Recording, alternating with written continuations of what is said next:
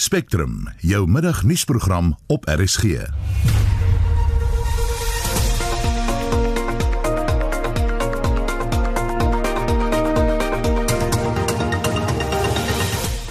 vanmiddag se program begrafnisondernemers begin vandag staak.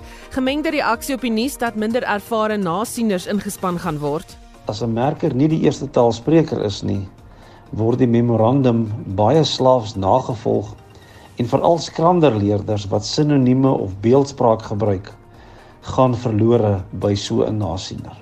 Ons praat met 'n politieke ontleder oor die Zimbabwe vliegtyg Harry en dit is herwinningsweek.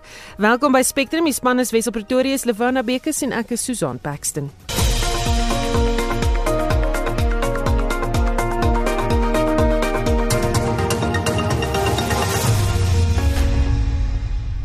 So 8 minute oor 1 jy luister na Spectrum. Landwyd neem verskeie begrafnisondernemings van vandag af deel aan 'n staking wat deur die sogenaamde Unified Task Team van stapel gestuur is om die regering te dwing om gehoor te gee aan werknemers se eise.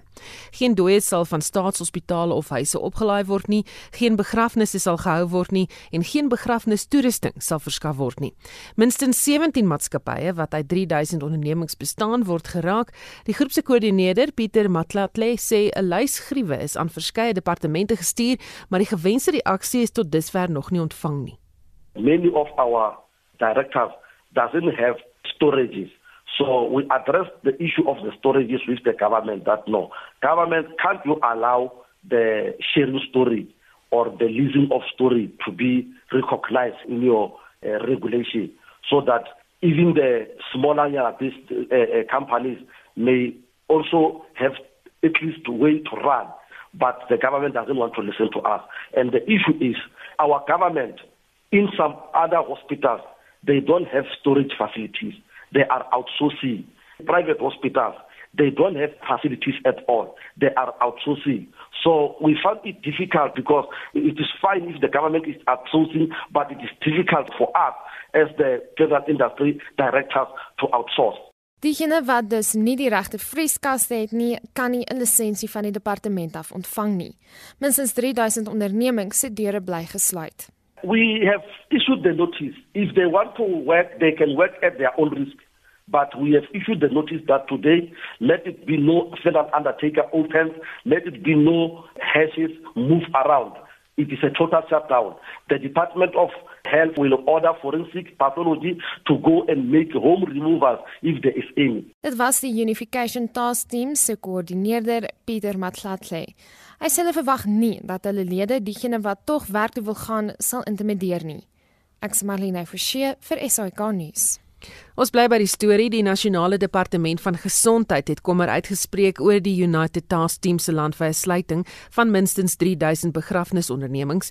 Die woordvoerder Medok Ramatuba het aan Marlene Forsie gesê die staking kan veroorsaak dat lyke ophoop by regeringslykshuise en dit kan verrykende gevolge hê. The likelihood is that it may pose health risk to the health officials that are working in those facilities uh, due to this piling up of uh, of the human remains. And uh, we know that uh, most of the people or some of the people that pass on that are managed through these premises they die of contagious diseases which uh, do not only pose risk to the health officials but also to the members of the public uh, that may be exposed. Hy sê dit met al die groep se rolspelers vergader. Since the beginning of this outbreak we were proactive and engaged with uh, a collective of uh, funeral undertakers who have grouped themselves into different associations. And we have engaged with the 13 associations that are there in the country, which are represented by various uh, uh, uh, representatives whom we were meeting with. And in all cases, when the minister published the health directions, we made sure that uh, we call the representatives of these associations as per their uh, uh, selection and we take them through the directions to make sure that they understand and they are on board in terms of what needs to be implemented in the health directions for the management of these human remains. Volgens hom het verskeie ander vergaderings plaasgevind waarna die eise weer nagegaan is. In terms of the regulations relating to the management of human remains, Regulation 363 of 2013, each funeral undertaker's premises or whoever is going to be responsible for processing or storing human remains is expected to be registered or to have been given a certificate of competence after environmental health practitioners from that municipality have inspected them and find the premises to be safe for that business or to be not going to cause any uh, uh, uh, any nuisance or health risk to the people that might be exposed to that particular funeral undertaker's premises. Ramatuma vra dat lede van die publiek geduldig bly. We did learn of course since in the morning that uh, all the protests that were being recorded they were not violent as uh, was anticipated. So in that way i think other funeral undertakers that are there in the country are able to assist members of the public. We do have members of the funeral undertakers uh, uh, associations who are also within the collective of the UTT who have distanced themselves formally in writing, uh, distanced themselves from the uh, uh, uh the strike, uh, having taken note of the repercussions that are likely to come out of out of that. Samesprekings met die United Task Team duur intussen voort. The only thing that we will not promote of course it's a lawlessness or any situation where industry would like to operate without a certificate of competence because in that way we are setting a very bad uh, uh, precedence which we will be unable to manage and expose our people into even much more risk than they are in now. Dit was 'n woordvoerder vir die departement van gesondheid Middelk Ramatuba. Ek's Marlene Forsie vir SAK nuus. En ander nuus, die leier van die EFF, Julius Malema, sê hoewel hy nie gekant is teen die ANC reis na Zimbabwe verlede week nie, is die EFF gekant teen die regerende party se misbruik van staatsgeld. Hy sê die departement van verdediging en militêre veterane moet 'n rekening uitreik aan die ANC vir die gebruik van 'n lugmagstraler. Die ANC het saam met die minister van verdediging, Nosiviwe Mapisa Nkakula, na Harare gereis. Malema en die LP, Mobiseni Ndlozi, het vanoggend in die Randburg Landdroshof verskyn op aanklag van aanranding. Malema en Dlozi se verskyning in die hof het not aard in 'n politieke gekibbel tussen die EFF en die ANC. Malema sê die EFF sal die weermag versoek om 'n faktuur aan die ANC te stuur vir die reis wat hulle saam met die minister van verdediging na Harare meegemaak het. Die ANC het samesprekings met Zimbabwe se ZANU-PF gehad oor beweringe van menseregte skendings in die land na aanleiding van die COVID-19 pandemie. Die Suid-Afrikaanse Nasionale Weermag se woordvoerder, Simpiwe Dlamini, het bevestig dat die minister van verdediging 'n verslag oor die insident by die president ingedien het. President Cyril Ramaphosa het daar Vrydag 48 uur gegee om te verduidelik hoekom 'n ANC-afvaardiging haar op 'n militêre vlug vergesel het. Malema sê die EFF ondersteun enige ingrypings om probleme in Zimbabwe aan te spreek. But to use the state resources by the leadership of the ANC. I think it was irresponsible. And uh, we shouldn't be too dramatic about it. Uh, we will ask the Secretary of Defense to invoice the ANC so the ANC pays and they, they don't repeat that mistake. But going to Zimbabwe, even under lockdown uh, regulations, it is necessary Maar Malema sê die oplossing vir die probleme in Zimbabwe lê in die jeug van die land opgesluit. Zimbabweans must take a lead themselves, particularly young people from Zimbabwe. We suggested to them they need to blockade the Bed Bridge uh, border gate for 2 days. If we can blockade border gate of Zimbabwe for 2 days, there will not be toilet paper in Zimbabwe. And the people of Zimbabwe will see the need to rise against Mnangagwa's failure to lead them properly.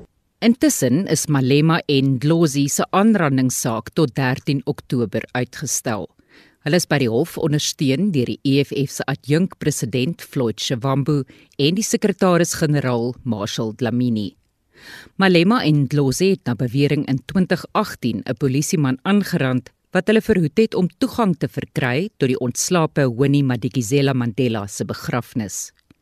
Malema het gesê hy verstaan nie hoekom hy midde COVID-19 in die hof moet verskyn nie. It was unnecessary for us to come today uh, because uh, we are going through a pandemic as a country and therefore any court that requests us to appear without necessarily a trial is risking our lives and the lives of ordinary people. Because you will know that as public figures, when we come here, a lot of people will want to interact with us, and we don't know who's in a good state of health and who's not. Ramaphosa het nog nie gereageer op die verslag wat deur die minister van verdediging ingedien is nie. Die ANC afvaardiging wat saam met haar gereis het, is deur die ANC se sekretaris-generaal, Ys Magashule, gelei. Die verslag is saamgestel deur Abongile Dumaku in Johannesburg en ek is Estie de Klerk vir SAK nuus. Die departement van onderwys het onlangs aangekondig dat minder ervare nasieners ingespan gaan word om vraestelle tydens die matriek eindeksamen na te sien. Dit omdat verskeie ervare nasieners bo die ouderdom van 60 is en meer vatbaar is vir COVID-19. Marlene Forsie het meer besonderhede. FETSA se bestuurshoof Paul Colditz beskryf die besluit as proaktief en sê hulle verwelkom die stappe wat geneem is. Dit is natuurlik te wagte dat daarvan die ervare nasieners sal wees wat onderliggende siekte risiko's het en wat nie veilig sal voel of sal wees by nasien sentrums nie. En uh, daarom is dit belangrik om seker te maak dat daar voldoende mense sal wees om die nasienwerk te kan doen. Hy sê verder hulle is nie bekommerd oor die kwaliteit van die nasienwerk nie. Die feit dat uh, die kriteria vir die nasieners se aanwysing tot 'n geringe mate verslap is, is te verstaane. Ons is nie te erg bekommerd daaroor nie, want daar is nog steeds moderators om toe te sien dat die nasienwerk op standaard geskied. Beheerliggame, beheerliggame organisasies het geen seggenskap in die aanstel van hierdie mense nie. Ons moet uh, die departement van basiese onderwys daarmee vertrou dat hulle die professionele deel van daardie aspekte korrek en met verantwoordelikheid sal hanteer. Basil Manuel, die uitvoerende hoof van Aptosa, sê dis te verstaan dat heelwat minder onderwysers bo 60 aansoek gedoen het om nasienwerk te doen. As jy nou te siek is om skool toe te gaan, kan jy nou nie na 'n ander plek gaan waar daar veel meer mense is wat 'n nouer verband moet saamwerk. Om sukses te bereik is balans egter volgens hom baie belangrik. Dit kan 'n probleem wees as die getal mense wat aangestel is te veel is. Maar as daardie verhouding tussen die wat ervaring het en die wat minder ervaring het nou uh, 'n uh, goeie balans is, dan hoef dit nie 'n probleem te wees nie. En dit natuurlik maak die getal mense waaruit jy kan kies in die volgende jare 'n groter groep. Ek glo die ervare nasieners moet in die meerderheid wees en nie andersom nie. Ek glo nie dit sal die matriekeksamen beïnvloed nie. Ek dink daarom dat die mense wat nou moet modereer en so voort sal almal baie ervaring het en hulle sal nou net 'n bietjie harder moet werk. Die Suid-Afrikaanse Onderwysersunie ofterwel die SAOI se bestuurshoof Chris Klopper sê egter hulle is om verskeie redes bekommerd, veral wat die voortsleepende tekort aan Afrikaans sprekende modereerders betref as 'n merker nie die eerste taalspreker is nie, word die memorandum baie slaafs nagevolg en veral skranderleerders wat sinonieme of beeldspraak gebruik, gaan verlore by so 'n nasiener. Daar is reeds negatiewe persepsies oor die standaard van 2020 en dan nog om te oorweging te verleen aan 'n moontlike verlaagde standaard vir die aanstelling van nasieners sal hierdie persepsie versterk. So ons sal dit nie ondersteun nie. Dit is uiters belangrik dat standaarde so hoog as moontlik gestel word al beteken dit dat die nasienproses langer sal duur.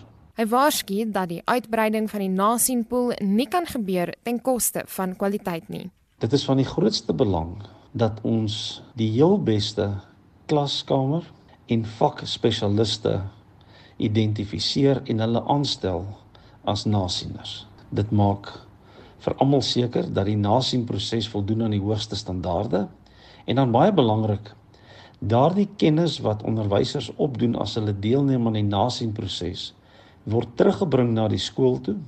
En dan baie belangrik ook hoe daarna gesien word op die hoogste moontlike vlak om te verseker dat dit konsekwent, eenvormig en van 'n hoë standaard is.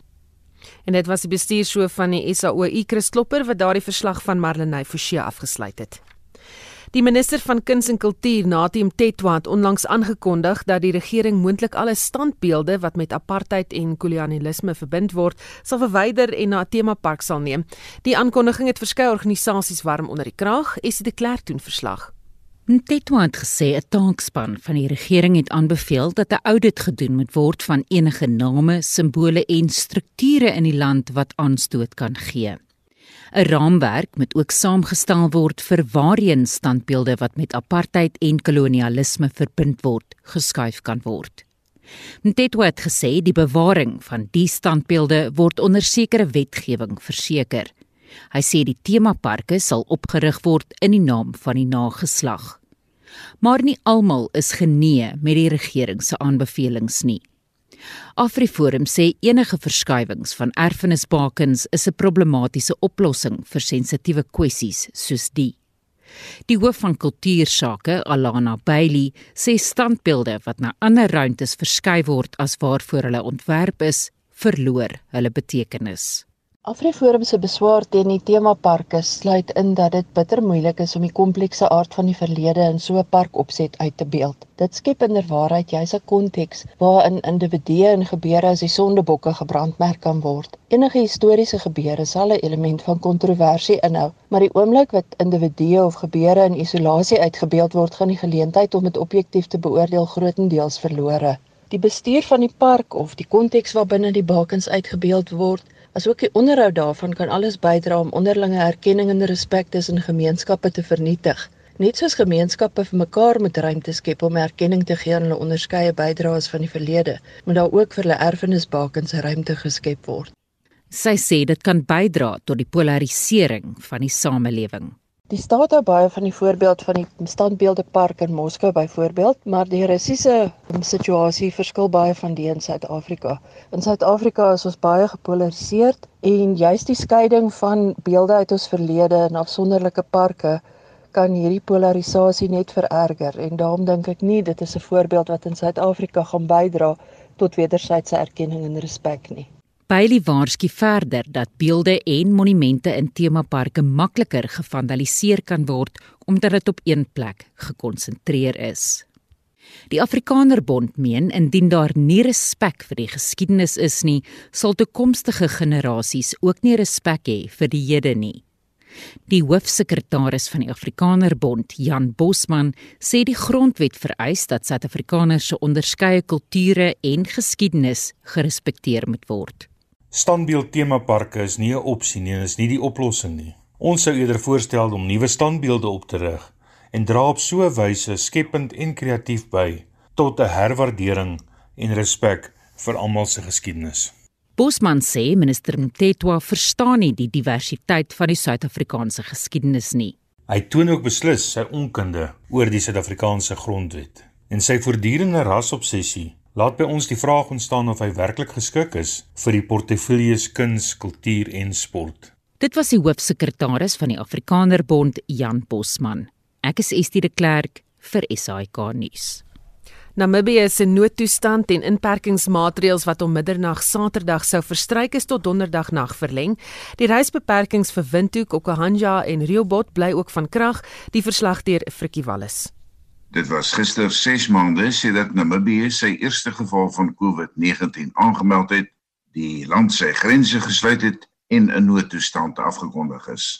Uitgaande en inkomende reisigers word nou weer by die Hosea Kutaku internasionale lughawe buite Windhoek toegelaat, wat deel uitmaak van die regering se toerisme herlewingspogings. Maar dit is onderhewig aan die kwarantainemaareëls vir eie koste. Die eerste buitelandse vlug met 33 passasiers het reeds uit Ethiopië geland. President Hage Geingob het in sy aankondiging by Staatshuis ook 'n effense verslapping op openbare byeenkomste aangekondig met tot 50 mense wat nou bymekaar mag kom. Dit sal klasonderrig makliker maak by skole wat verlede week oopgemaak het. Die aanklokreël is ook gewysig sodat dit nou van 10:00 saans af tot 5:00 in die oggend sal geld pleks van 8 uur die aand af soos tot nou die geval was. Restaurante is weer oopgestel vir aansit etes en kroë en shebeens mag alkohol verkoop.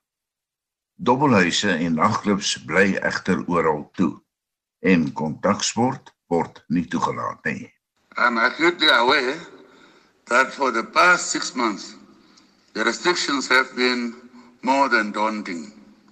But even as we grow weary, the virus does not grow tired with us. We must therefore persevere until we overcome, and we overcome, and overcome we will one day. Ganyop het gesê dat COVID-19 'n ingewikkelde probleem bly met meer as 9000 bevestigde gevalle wat sover in Namibië aangemeld is. Byna 5000 het herstel en 4.500 is aktief. 98 sterftes het sover voorgekom. Frikkie Wallis op Swakopmund in Namibië. Soos jy vroeër gehoor het, dosyne sterk wind aangedrewe veldbrande woed deur woude en dorpe in die FSA se Weskus deelstate. Honderde huise is in pyn gelê en ten minste 10 mense is volgens die owerhede dood. In Oregon alleen het ten minste 100 veldbrande deur die westelike deelstate geruk met sowat 3000 brandweermanne wat onverpoost veg om dit onder beheer te probeer kry.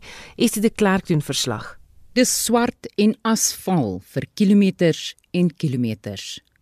Soos die hommeltuig oor die woonbuurte en plase in die omgewing van Eagle Point in Oregon vlieg, is alles platgevee, uitgebrand. Die brande het deur ten minste 5 gemeenskappe in Oregon se Cascade Bergreeks, sowel as gebiede van die kusreënwoud wat gewoonlik teen veldbrande beskut is, geruk. In die ooste van die deelstaat Washington is die grootste gedeelte van die boeredorp Meldon verwoes en digte rook hang met 'n oranje skynsel oor Seattle. Soek en reddingsspanne het begin om deur die puin na oorledenes te soek. Drie westelike deelstate is erg geraak. Teen gisteroggend was daar steeds 35 aktiewe brande in Oregon en talle mense word vermis. In die sentrale dele van Oregon het soek- en reddingsspanne afgebrande gemeenskappe soos Detroit binnegegaan waar brandbestryders inwoners tydens 'n dramatiese bergontvlugtingsekspedisie moes red nadat militêre helikopters onsuksesvol was om inwoners betyds uit woonbuurte te ontruim. Die goewerneur van Oregon, Kate Brown, het gesê sowat 40 000 mense is betyds ontruim waar 900 000 hektaar afgebrand het.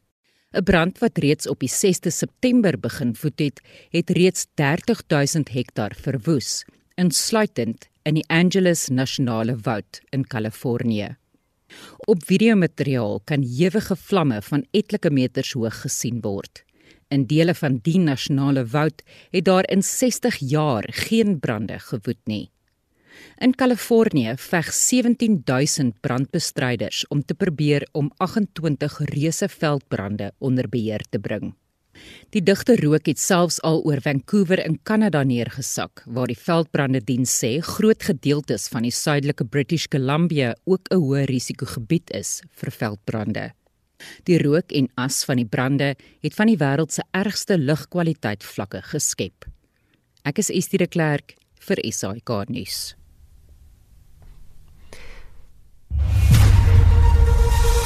Jy luister na Spectrum elke weekmiddag tussen 1 en 2.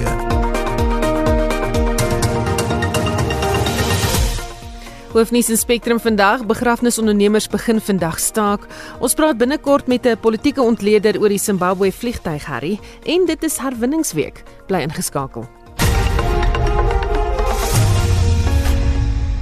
Sluit Sondag aand 7uur by my Jean Oosthuizen aan in die program uit 'n ander hoek en hoor hoe iets soos COVID-19 mense spiritualiteit kan beïnvloed. Die vorm van aanbidding gaan verander, maar die behoefte om te aanbid of spiritueel te verkeer gaan nie verander nie. Mense gaan op nuwe maniere probeer soek, nie noodwendig binne 'n kerk nie. Ek dink hierdie ding het 'n intense verandering gebring. My gaste is die oud joernalis en toekomskundige Dr Piet Miller en die geestelike leier Abel Pinaar. Hou op dink oor 'n God en 'n lewe hierna. Dink oor sin hier en nou. Sondag aand 7uur gesels ek Jean Oosthuizen en my gaste weer uit 'n ander hoek oor geloof. Daar is geen verkeer.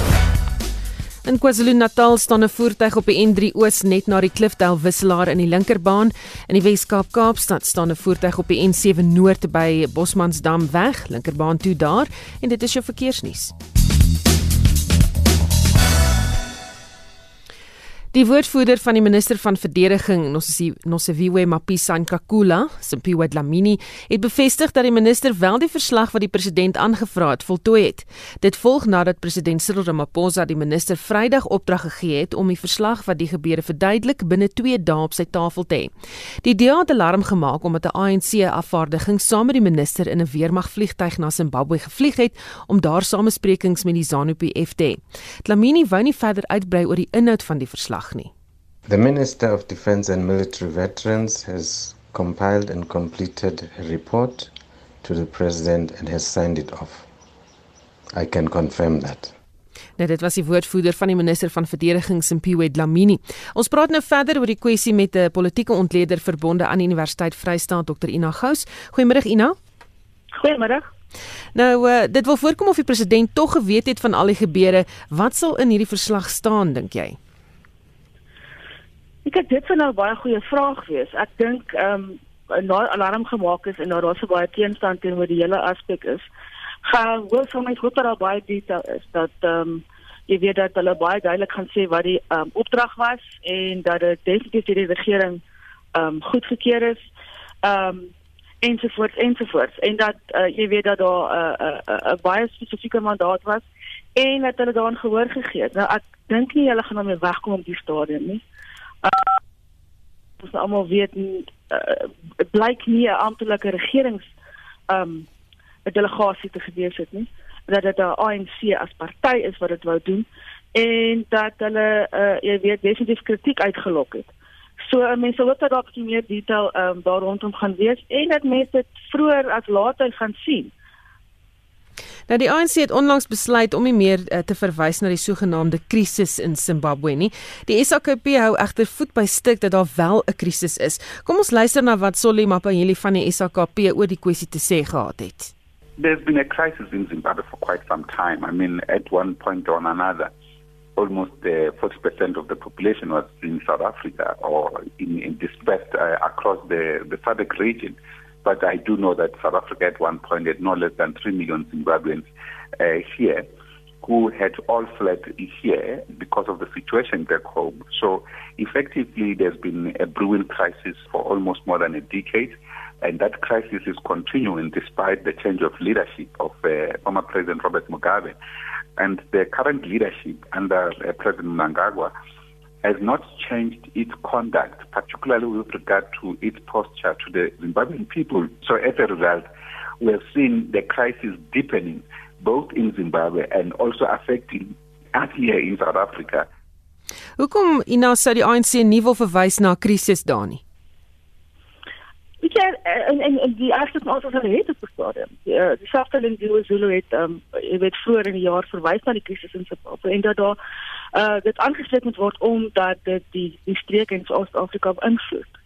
Um en ek dink met met wat soos dit met betrekkinge gaan, uh sodra jy begin kontak maak en gesprekke voer, uh jy weet wie mens uh voorwaardes nie vir gesprekke om wel te gebeur en en en wat daar uit gaan vloei in die toekoms. En ja, duidelik was een van die ooreenkomste um dat daar nou nie meer verwys moet word na krisisse nie, maar dat daar probleme is um wat aangespreek moet word. En ek dink uh met die presidentse delegasie en ook met die ANC se het dit duidelik gekom dat met die verhoudinge tussen tussen tussen die die twee regerings, die twee presidente kan dalk um redelik goed wees uh, dat die verhoudinge tussen uh, histories nie so ruskleurig is as van Ramaphosa en almal voorgehou. Uh, weet voorhou veral wat betref verhoudings tussen die militêre en politieke entiteite onderskeidelik. Weet in die geskiedenis tussen dan op die FN en die ANC nie. Um en die dan op die reaksie na die besoek is 'n getuie daarvan. Jy weet veral na berigte dat daar robuuste gesprekke gevoer is en dan nie teruggehou is deur partye oor hulle opinies oor kwessies nie. Ehm um, en toe besluit die ANC as party ook 'n delegasie te stuur en dit het ook nie die versierde verhoudings regtig beter gemaak in my opinie nie. Ehm weet hulle kwessies aangespreek van menseregte mishandeling, managting van demokratiese prosesse, geweld en hongersnood. Al hierdie goed, al kwessies te burgers van Suid-Afrika te stroom en die hoop op beter lewe terwyl die situasie in Suid-Afrika uh, reeds so sleg lyk. En hulle het met 'n 10 punt, punt plan voor 'n dag gekom. Ehm um, en dit is nie lig hiervan te lees staan en dat die ANC nie met oppositiepartye vergader het nie, want hulle het gegaan om om feite bymekaar te maak.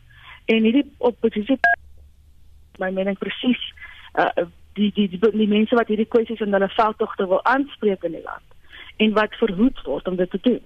Ehm um, dit blyk dat daar op effens Zimbabwe se regering kontak met die oppositie deur die Suid-Afrikaanse regering en ook die ANC verbied wat hulle autoritaire onverdraagsame houding teenoor die oppositie net verder uitwys.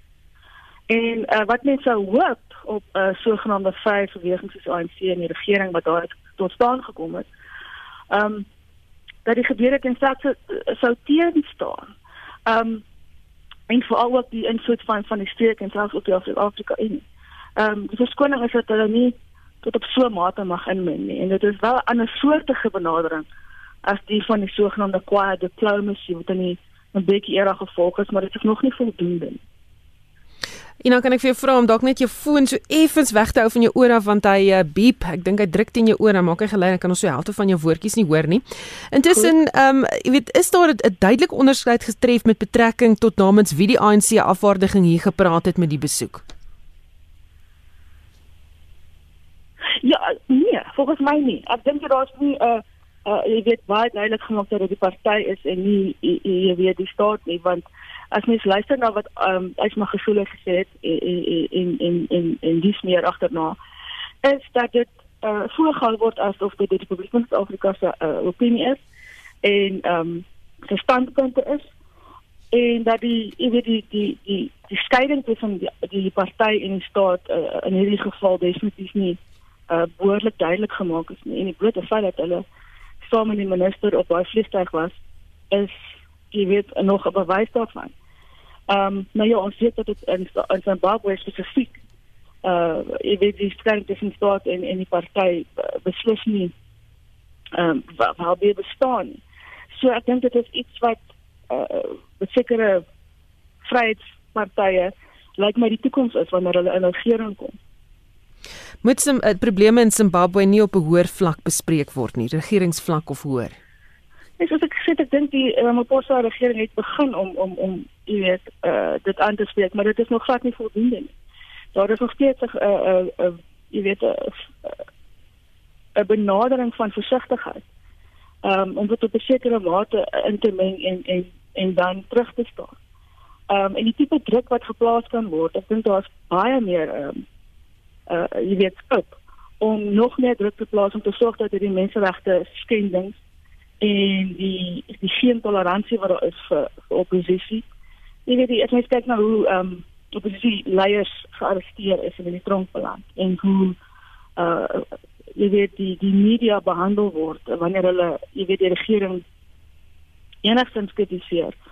Ehm um, is dit iets wat 'n uh, land soos Suid-Afrika wat by alle aanduidings demokrasie eh, eh weet voorstaan baie duidelik hulle opinie daaroor moet uitspreek en druk moet toepas. Ehm um, vir en om om met hierdie tipe magsmisbruik en uh menseregte mishandeling op te omdat dit so geweldig invloed het op op ons. Baie dankie, dit was 'n politieke ontleder verbonde aan Universiteit Vryheid Dr Ina Gous. Suid-Afrika moet nog 'n lang pad stap om ten volle 'n funksionele sirkulêre ekonomie te word. Dit beteken dat minder vermors word en meer produkte herwin word. Dit was die tema van 'n gesprek deur die Departement van Omgewingsake aan die begin van skoonmaak en plastiekherwinningsweek in Suid-Afrika. Dr Kirsten Baans, 'n sirkulêre ekonomie ontleder van Greenscape of Green Cape eerder sê, die konstruksiesektor is een van die sektore wat glad nie inkoop in die sirkulêre ekonomie nie. Baans sê 22% van rommel wat op die ashope beland is konstruksierommel. As Green Cape, we did a scan um, for a study focused on the Western Cape. We did a scan looking at where our underutilized secondary materials are, and we identified builders' rubble as one, a large volume to landfill, and there's no need to put largely inert um, rubble, so brick, concrete, into a sanitary engineered landfill. It's a, it's a horrendous waste of a resource. And also that builders' rubble um, better called recovered aggregate, is a very useful secondary construction material and if handled in the right way can be used in high value applications. Baans waarsku dat hoe geboue benut word en herwin word moet verander. So each individual construction site is not um, an entity in and of itself. we need to consider the intersection of single construction sites and construction activities within the broader urban landscape. So here I focus on cities and looking at urban planning, which would look to optimize material flows, transport, and would also look at renewable and sustainable energy systems. So here you can see within the city landscape, we have a looping of organic materials. How do we best handle our organic materials? Jabulani Dlamini van die Environmental Centre Holdings in Orange Farm in Gauteng sê min mense besef dat afval eintlik waarde het en baie werk kan skep as die sektor behoorlik ontgin word. We have identified a couple of um, organizations um, that we could form synergy with.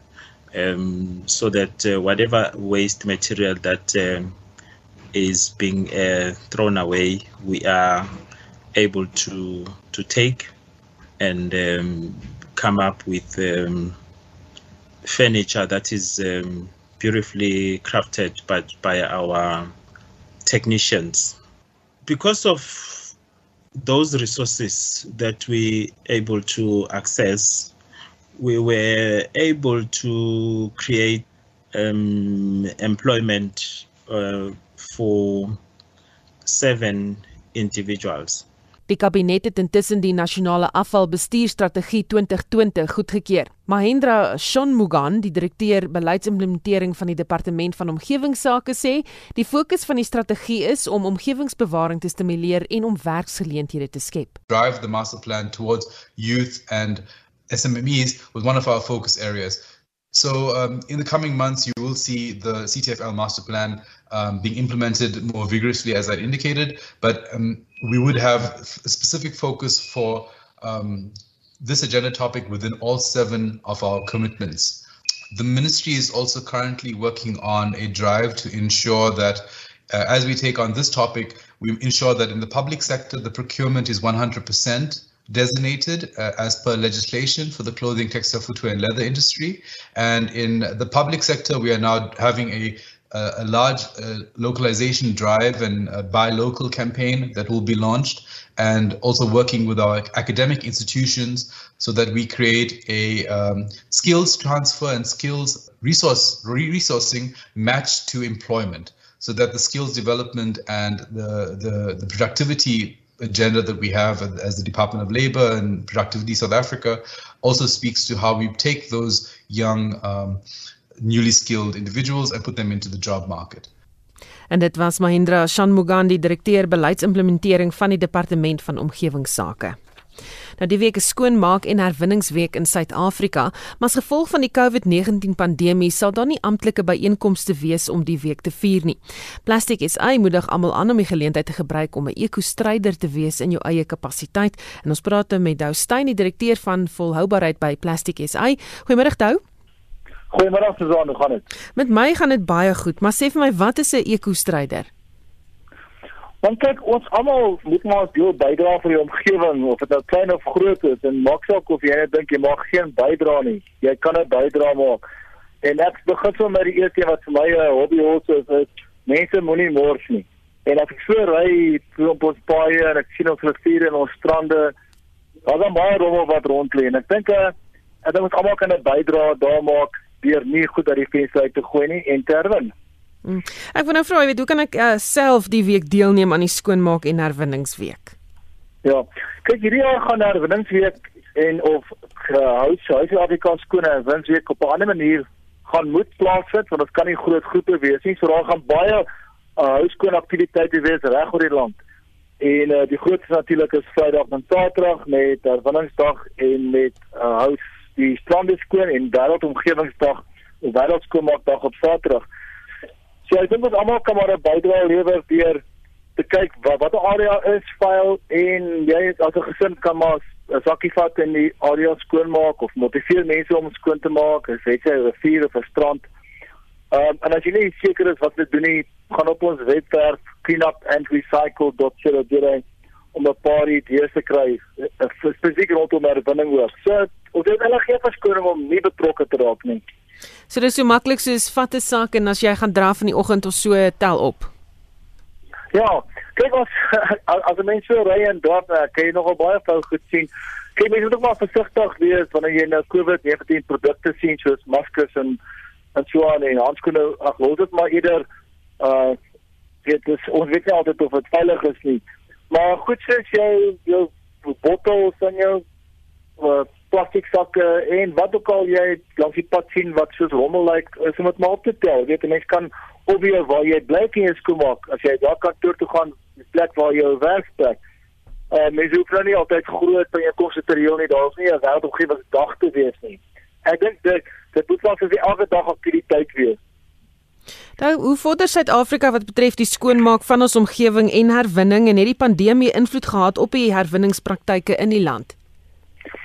Ja, kyk aan die begin dink ek het dit 'n groot invloed gehad op uh, ons herwinning, veral as jou jou informele sektor wat uh, met jou trolletjie of op die stortingstrein werk. Hulle was dit 'n redelike uh, krisis want hulle is afhanklik van produkte wat hulle bymekaar maak, het sy uh langs die pad opstel of by fabrieke of by jou huise so dit het dit het op hulle gehad, maar die bedryf is nou weer aan die gang en daar word hierdie ondersteuning gegee vanaf die verpakkingindustrie en almal aan aan jou informele sektor om wel die herwinning weer aan die gang te kry. So ek dink dit dit gaan nou regtig sleg nie. Ehm um, die industrie is weer oop en daar word nou weer sterker herwin. En dit is ons besluit het om Vrydag wat herwinningsdag is, nog steeds te promoveer en mense aktief betrokke te kry by herwinning maar dit het wel 'n invloed gehad in die begin die begin tydens daai lockdown het 5 uur en 3 so nou gaan dit klaar al klaar beter.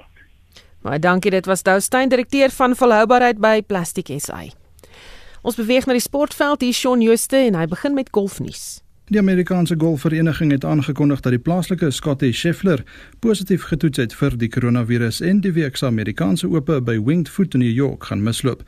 Sy plek word deur die Suid-Afrikaner Brandon Grace gevul. Die ander ses Suid-Afrikaners wat ook vir die majors gekwalifiseer het, is Louis Oosthuizen, Erik van Rooyen, Christian Besaidnout, Shaun Norris, Justin Harding en JC Ritchie. Die veld van 144 spelers sal later die week bevestig word. Die ope vind van 17 tot 20 September plaas.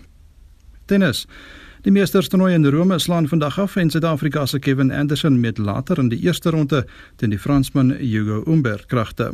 Van die groot name wat ook deelneem, is die verdedigende kampioen van Spanje, Rafael Nadal, Dominic Thiem van Oostenryk, Novak Djokovic van Servië en die Duitser Alexander Zverev.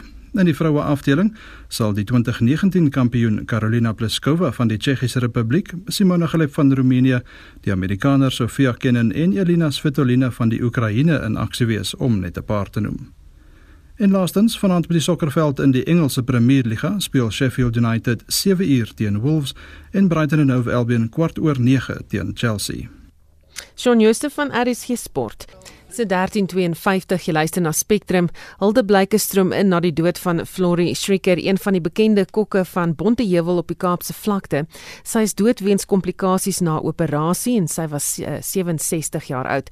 Schricker en haar vriendin Kulsum Kamali het bekendheid verwerf vir hulle resepte op RSG, waarna hulle ook 'n kookboek uitgegee en 'n televisieprogram aangebied het.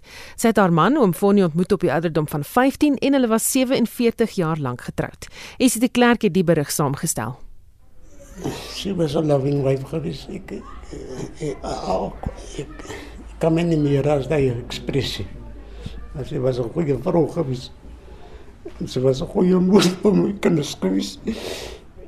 En sy het altyd 'n goeie inspirasie tot die gemeente ook geweest. Ek meen ek hoop net die gemeente en nou op wat sy geweest en wat sy gedoen het vir die gemeente. Sy, sy was man pa van van my, my neighbor. Sy was maan pa vir gewees. Schrikker en haar vriendin Kulsum Kamali het bekendheid verwerf vir hulle resepte op RSG, waarna hulle 'n kookboek uitgegee en ook 'n kookprogram op televisie aangebied het. Kamali is vroeër vanjaar oorlede. 'n Wijksraadslid, Angus McKenzie, sê Bonteheuwel was altyd bekend vir sy bende geweld, maar is nou die plek waar twee boesemvriende, een Christen en een Moslem, die lekkerste kos maak. Tannie Florie was algemeen bekend. Sy was 'n Bontewil staatmaker en 'n held wat jy baie gemis sal word.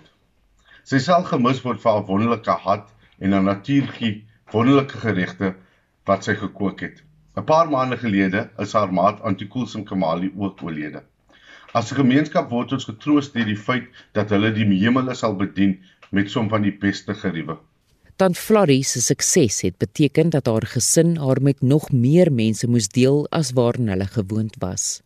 Haar dogter Cindy Capido sê sy het oorgenoeg liefde vir almal gehad. Just a very big person not just on the outside but on the inside that she was. 'n Leë bord is die grootste kompliment wat jy in die shriekerhuis kan bied. Iets wat gereeld gebeur het. Die verslag is saamgestel deur Mlami Manelli en ek is Estie de Klerk vir SAK nuus. In die noorde van Mosambiek vlug mense van aanvalle deur ekstremiste na die kusdorp Pemba. Die ekstremiste sê hulle is geaffilieer by die Islamitiese Staat organisasie en dat die regering niks doen om armes in die Cabo Delgado provinsie te help nie en dat hulle die nuwe regerders van die streek wil wees. Volgens hulporganisasies het die geweld sedert laat 2017 baie lewens geëis en honderde duisende mense dakloos gelaat. Darren Taylor doen verslag. Die internasionale komitee van die Rooi Kruis is steeds besig om Mosambiekers wat alles verloor het as gevolg van sikloon Kenneth 'n jaar gelede te help. Nou sê die groep se hoof van Suidelike Afrika, Mamadou Sow, moet dit ook die pyn en leed hanteer wat veroorsaak word deur brutale opstande in Cabo Delgado wat al hoe meer soos die werk van die Islamitiese staat lyk. Like. It has really turned this province to an inferno. Thousands and thousands of homes have been burnt to the ground. Thousands of people have been killed. Schools, healthcare facilities have been destroyed and reduced to rubble. Farmlands have been destroyed.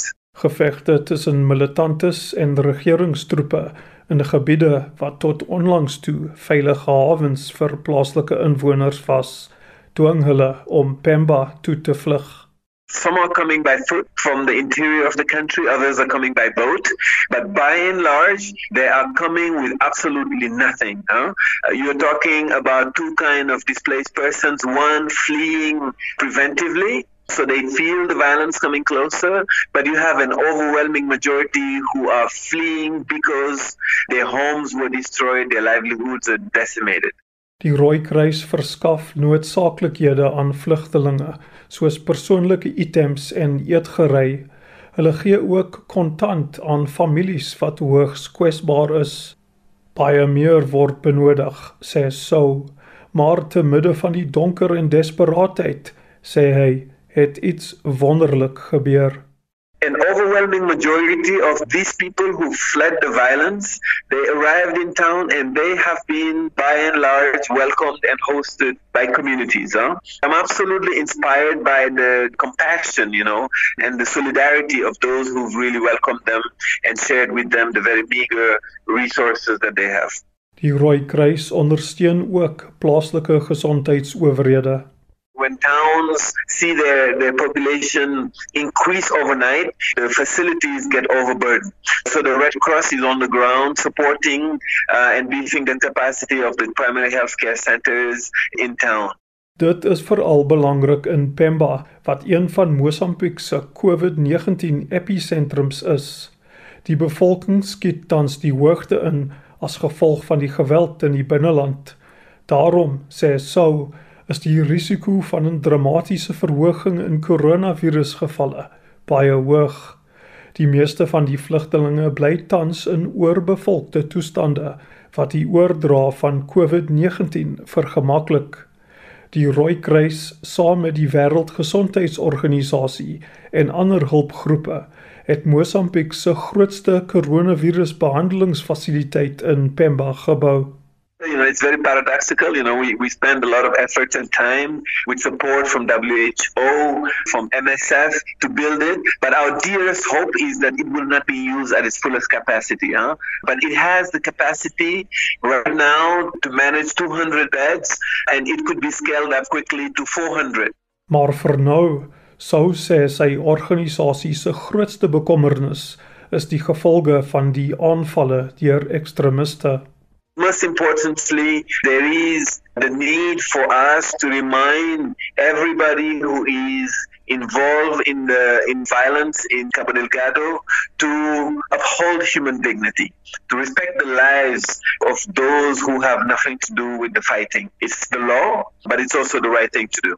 Maar sou weet tydens situasies soos die het die magte wat betrokke is meestal geen respek vir wat reg is nie. Die Rooi Kruis sê hy is toegewyd tot die stryd om die mense van Cabo Delgado te help. Maak nie saak wat in die toekoms gebeur nie. Ek is Darren Taylor in Johannesburg. daarmee groet die Spectrum span. My naam is Susan Paxton.